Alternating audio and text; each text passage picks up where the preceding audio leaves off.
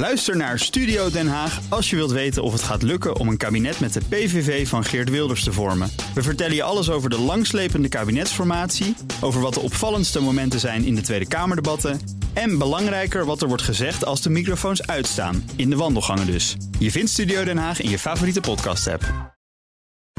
BNR Digitaal wordt mede mogelijk gemaakt door Incentro en SecureLink. SecureLink, safely enabling business. Nieuwsradio. BNR Digitaal. Herbert Blankenstein. Een piepklein cameraatje in reclameborden leidt tot vragen over de privacy van voorbijgangers. Die camera's die staan inmiddels uit. Maar de vraag blijft: wat voor plek krijgen digitale technieken in de wereld van de buitenreclame? Mijn backup is vandaag Boris van der Ven van GameKings. Welkom. En we beginnen met de technologie nieuws. Ivan Verrips is binnengekomen. Ivan, ehm, de smartphone hoes van Edward Snowden die krijgt vorm. Ja, ongeveer een jaartje geleden hebben wij dit ook al behandeld in deze uitzending. Edward Snowden is bezig met een hoesje dat je beschermt tegen het lekken van radiosignaal. Toen was het een plan. Ja, precies. En nu is er een prototype. Dat ding heet de Introspection Engine. Hoeveel tijd heb je nodig om een hoesje te maken? Mm, Ja, nou ja, het moet natuurlijk wel goed zijn. Als het van Snowden komt, moet het wel goed zijn. Ja. Ehm, en wat volgens hem, wat, wat natuurlijk de issue is bij hem, is dat het onduidelijk is wanneer je telefoon precies data verstuurt en ontvangt en wanneer niet. Kijk, je kan wel vertrouwen op de interface van je telefoon, maar ja, klopt dat? Eh, dat wilde hij graag inzichtelijk maken en daarom heeft hij dus dat hoesje gemaakt. Die houdt eh, signalen van je modem, van je wifi, van je GPS en van je bluetooth in de gaten. Er wordt nog mee getest, maar wat ze willen is een soort silent phone functie maken, dat je dus echt hard al die signalen uit kan zetten, maar dan nog wel je telefoon kan gebruiken. Oké, nou, eh, volgend jaar dan misschien. Ja, misschien. We gaan we hem testen. Ja, one-click betalen. Nu nog alleen voor Amazon, maar binnenkort voor iedereen. Ja, als je op het internet aan het shoppen bent, moet je vaak heel veel informatie invullen. Hè. Even inloggen, nog een keer je wachtwoord opzoeken of je adresgegevens. Maar bij Amazon heb je zoiets als one-click betalen. Je klikt dan op de knop en bam, eh, de bestelling is gedaan en ligt de dag erna bij je op de mat. Alleen Amazon heeft daar nu het patent op, al sinds 1999 geloof ik. Ja, zeer omstreden. Maar dat gaat binnenkort verlopen.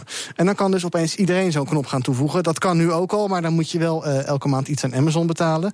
En ja, dit staat natuurlijk een beetje voor de idiote wereld van de patenten. Want Ja, eh, ja, ja. een knop waarmee je iets verstuurt, ja, dat je dat kan patenteren Hoe is eigenlijk redelijk bizar. Nou, goed. Dus dat gaat verlopen. En eh, nou, ik ben heel benieuwd welke webshops dan opeens ook zo'n knop gaan hebben. Ja, ik ook. En de autopilot van Tesla die is misschien toch niet veiliger dan de menselijke chauffeur. In mei vorig jaar overleed Joshua Brown. Hij kreeg een ongeluk terwijl hij in een Tesla reed... terwijl de autopilot aanstond.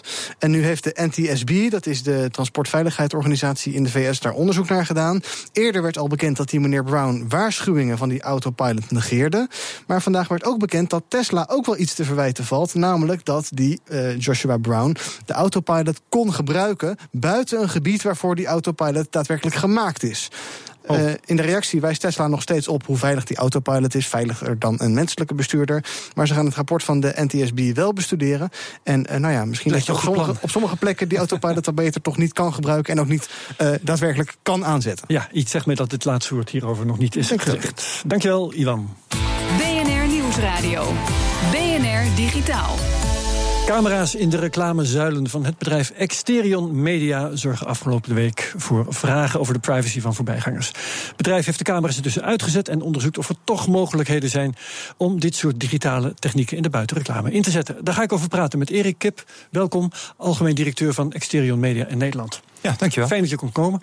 Eh, buitenreclame waren vroeger natuurlijk gewoon papieren posters. Afgelopen jaren zijn al die borden digitaal eh, geworden. Eh, wat betekent dat? De schermen zijn digitaal, neem ik aan. En de poster die wordt erheen gespoten via internet. Is het zoiets? Ja, dus zo, zo zou je het heel simpel kunnen zeggen. Maar eigenlijk gaat het een stuk verder, want het zijn natuurlijk niet meer posters, maar het zijn eigenlijk de filmpjes. Dus waar een poster 24 uur per dag eh, statisch is, Ja. ben je nu in staat om eh, leuke filmpjes te Ja, sturen. het kan allemaal nog bewegen ook. En gebeurt dat ook vaak trouwens? Eh, nu wel, ja, steeds Ja. meer. Ja. Ja, ja. Ehm, ik kan me ook voorstellen dat er andere digitale mogelijkheden zijn. Eh, interactiviteit, bestaat dat al bij eh, dit soort posters, dit soort eh, buitenreclame? Eh, ja, bestaat. We hebben vorig jaar eh, samen met de Nierstichting bijvoorbeeld een eh, campagne gedaan. Waarbij we een nierpatiënt hadden die eh 40 uur per week gedialyseerd werd. En we samen hebben geprobeerd zijn wereld groter te maken. door bij hem een webcam neer te zetten en op straat een eh abri interactief te maken. En mensen die voorbij liepen konden met hem praten. En op die manier konden de mensen buiten zien wat eigenlijk zijn wereld is. En hij kon op die manier zijn wereld wat vergroten. Het is een zeer succesvolle en mooie campagne geworden. Ja, betalen via reclamezuilen? Uh, ook dat zou kunnen straks. Uh, er zijn technieken die dat uh, mogelijk gaan maken. En dus als je iets ziet, dat je ergens dan met een. QR-code of zo? Zoiets. Ja, ja ik heb hier iemand staan uit de gamingwereld, Boris. Ja, dat zou mooi zijn. Nou ja, ik denk dat we eerst eventjes de, de, de, alle ophef die er natuurlijk is losgebarsten rondom het idee dat je in de publieke ruimte wordt ja, gadegeslagen, in kaart wordt gebracht, een gepersonaliseerde boodschap voorgeschoteld krijgt. Ik zou me voor kunnen stellen dat die ophef nogal eerst eventjes uh, uh, ja, een plek moet krijgen. Ik had zelf ook zoiets van, wacht eens eventjes, ik kan misschien mijn telefoon uitzetten... maar ik kan niet ervoor kiezen om niet meer uh, langs Amsterdam Centraal te gaan. Hoe, hoe kijken jullie daar te gaan? Het belangrijkste in deze hele discussie is de vraag... word je gefilmd, ja of nee? En we hebben elke keer geprobeerd duidelijk te maken... dat je niet wordt gefilmd, je wordt geteld. wij staan hier met z'n drieën. Dat betekent als wij drie keer langs een reclamezaal lopen, dezelfde, worden we ook drie keer met z'n allen geteld. Dus hij zegt, er komen negen mannen langs. Maar, maar ik bedoel, filmen is de data opslaan. Maar uh, mijn beeldenis uh, misschien niet opslaan, maar wel de data opslaan, is toch ook een vorm van data. Op, als we op een gegeven moment weten van hé, hey, daar loopt een, uh, een, een, man van tussen de 40 en 45 voorbij. en die komt elke dag om half zes hier langs. Dat, dat is data, die wordt waarschijnlijk opgeslagen. Het zijn statistieken, want dat is even een verschil tussen data en statistieken. Hè. Dus we zijn hier denk ik op een, op een precies op het punt gekomen van waar uh, de scheidslijn moet liggen. Uh, het zijn statistieken, dus we kunnen alleen tellen hoeveel mannen of hoeveel vrouwen en grof de indicatie van de leeftijdscategorieën. Uh, maar het is data die omgezet wordt in getalletjes, puur lokaal op de lokale computer van zo'n scherm. en eens in de zoveel tijd verzamelen wij al die verschillende getalletjes bij elkaar, zodat we kunnen zien, normaal gesproken, hoeveel mensen zijn er nou op een bepaalde locatie. Maar adverteerder wil dat toch zien? Die wil toch de, de, de rapportages zien? Ja, maar die, wil niet, die zal nooit willen zien of het real-time is. Het gaat met name nee, maar de adverteerder wil wel steeds meer, wil zoveel mogelijk informatie. En uh, je, je, zegt zelf ook al een beetje, we zitten hier op het punt van waar, waar het om gaat. Um, ja. dus volgens mij is dat namelijk... Uh, Jij vertelt wat jullie feitelijk doen. Ja. Maar uh, wij weten wat camera's kunnen. En een camera kan veel meer dan mensen tellen. Een camera kan inderdaad mensen herkennen. Er is uh, gezichtsherkenningssoftware. Uh, ja. Informatie kan worden vastgelegd. En adverteerders willen dat ook heel graag weten. Die wil echt, willen echt wel weten of Boris daar langs komt of ik. Want wij, wij hebben verschillende interesses bijvoorbeeld. Daar weten ze ook van via weet ik veel wat we doen op internet. Ja, ik denk alleen dat er één groot verschil is tussen wat je op internet doet en wat wij kunnen doen. Wij kunnen geen gepersonaliseerde data hebben, want wij weten niets van de mensen in termen van de personen. En uh, als wij die stap zouden maken door echt naar de software te gaan waar je het over hebt, en dan zouden we buiten ons boekje treden. Wij ja. willen dat absoluut geanonimiseerd, volledig uh, op basis van algemene data doen, niet anders. En verder zullen we ook niet kunnen gaan. Ja, uh, jullie hebben in verband met deze affaire gezegd dat jullie hier niet goed over hebben gecommuniceerd. Ja. Is dat dan eigenlijk wat je bedoelt? Dat je niet hebt uitgelegd hoe dat dan zit met wat jullie feitelijk opslaan enzovoort? Of ja. jullie feitelijk, uh, de informatie die jullie feitelijk inwinnen? Ja, niet goed genoeg. We hebben eerder uh, vragen al gehad vanuit diverse hoeken, ook vanuit journalisten. Die hebben eigenlijk elke keer op dezelfde manier hebben die behandeld en dezelfde manier beantwoord. En er is eigenlijk nooit heel veel commotie over ontstaan. Ik denk dat de grote commotie vorige week echt is ontstaan door een tweet. die vervolgens is opgepakt. Uh, en waar uh, eigenlijk een soort sneeuwbaleffect op is gekomen. Uh, maar in de afgelopen periode hebben we vaker dit soort vragen gehad. En elke keer goed kunnen uitleggen. Ja, en daarmee was het ook voor uh, de journalisten en voor degene die we hebben geïnformeerd over goed. Jullie dachten dat dat is afgedaan. Maar Boris, uh, jij stelt kritische vragen. en dat doe ik zelf ook. Um, toch kun je je ook afvragen, er zijn al zoveel camera's en bewakingscamera's, er zijn dashcams, er zijn mensen met mobieltjes. Wat maakt een cameraatje in zo'n in zo'n Abri nou nog de, uit? De keuze, het gaat om de keuze. Kijk, zodra je als, als gebruiker geen keuze hebt, bijvoorbeeld uh, het meeluisteren van televisies in de woonkamer, uh, analysegevens van de Microsoft Kinect bij, of bij Xbox Kinect in de tijd, ja. uh, de data die werd doorgestuurd. Zodra je geen keuze meer hebt als gebruiker, is het, wordt het problematisch. En um, ik kan me voorstellen dat je bij Facebook, uh, die weten alles van mij. Maar ik krijg tenminste nog wat functionaliteit terug. En dan ben ik benieuwd van ja, wat voor functionaliteit krijg ik terug van jullie systeem? Een, een, een, een, poster waarop je kunt gamen. Want ik noemde Be bewijs gamen van spreken. Of co communicatie. Ik vond het wel interessant dat inderdaad van die nierpatiënt. Maar uh, ja, ik wil Erik graag... van Exterion, vertel eens, wat krijgen we? Uh, nou, met behulp van de cijfers die we verzamelen, kunnen we in ieder geval voor de, voor de reizigers kunnen we twee dingen doen. Eén, we zijn nooit uitverkocht. Uh, dus we hebben heel veel ruimte over, heel veel zendtijd over. En als wij weten dat op maandagmorgen uh, na de ochtendspits er met name studenten uh, reizen, jonge mensen kunnen we dan zien dan kunnen we daar niet-commerciële content voor leveren. Dus op het perron wordt je verblijf aangenamer gemaakt... omdat we iets brengen wat voor jou interessant is. We staan hier nu eh, bij BNR. Ik kan me ook voorstellen dat op de maandagochtendspits... of elke ochtendspits tussen 7 en 9... de headlines van het nieuws tussen de commercials doorkomen. Net zoals we dat eigenlijk hier hebben. En dan wil ik graag eigenlijk nog weten, als het om communicatie gaat... Um, hoe gaan jullie uitleggen dat we niet bang hoeven zijn voor onze privacy als we daar langs komen? daar teksten bij? Of gaan jullie daar nog een advertentiecampagne tegen? Of op die posters zelf? Nee, we zijn nu eh, alles op kan projecteren. Ja, nee, we, we zijn nu bezig, uh, ook met de autoriteit, om daarover te communiceren. Zodat we daar met alle partijen een, een goede communicatielijn zullen hebben. Uh, dat er iets bij de schermen komt, dat is duidelijk. Maar ook waarschijnlijk nog daarna. Dankjewel, Erik Kip, algemeen directeur van Exterion Media in Nederland. De iPhone 8 voor maar 13 dollar. Motherboard bestelde hem en de review die hoor je straks. BNR Nieuwsradio. BNR Digitaal. We weten intussen hoe die eruit gaat zien. De iPhone 8 Motherboard, bekende IT-site, bestelde een paar dagen geleden al zo'n toestel van een Chinese website. Hoeveel die kostte?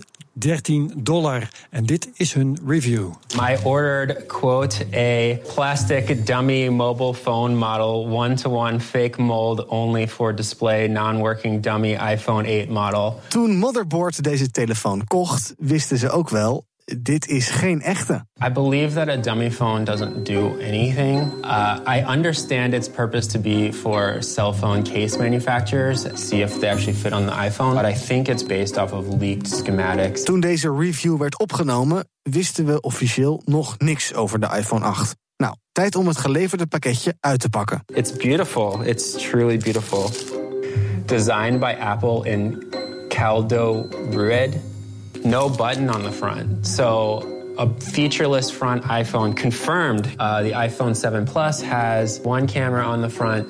The iPhone 8 appears to have at least two cameras, maybe three. Nu weten we wel hoe de iPhone 8 eruit ziet. En we kunnen zeggen, deze dummy lijkt voor geen meter. Als hij al ergens op lijkt, dan is het de ook gisteren gelanceerde iPhone 10. And the left has volume rockers just like the iPhone 7 has, speakers on both sides and the lightning port. On the back we have, as has been rumored, a vertical camera as opposed to the side-by-side camera of the old version. En ook de verticale camera, nope, hij zit niet op de iPhone 8, maar wel op de iPhone 10. Nadeel van een dummy is natuurlijk ja, dat hij niks doet. Alhoewel die wel zwaar is en als een echte iPhone aanvoelt. I have no idea what's actually inside of this. Like, like it's pretty like there's stuff in it, you know. Maar gelukkig, zo'n dummy heeft ook voordelen. I have to say this is my favorite phone purchase I've ever made because this will never ring. It will never give me a tweet or bad news. It's just a beautiful, sleek device that I can carry around and does nothing at all. I am the first iPhone 8 owner. It's great. 10 out of 10. Ja, 10 punten van de 10. Hij lijkt niet, maar hij bevalt wel. Geweldig. De hele review van deze dummy door Motherboard... die kun je vinden via bnr.nl slash digitaal. BNR Nieuwsradio. BNR Digitaal. Herbert Blankenstein.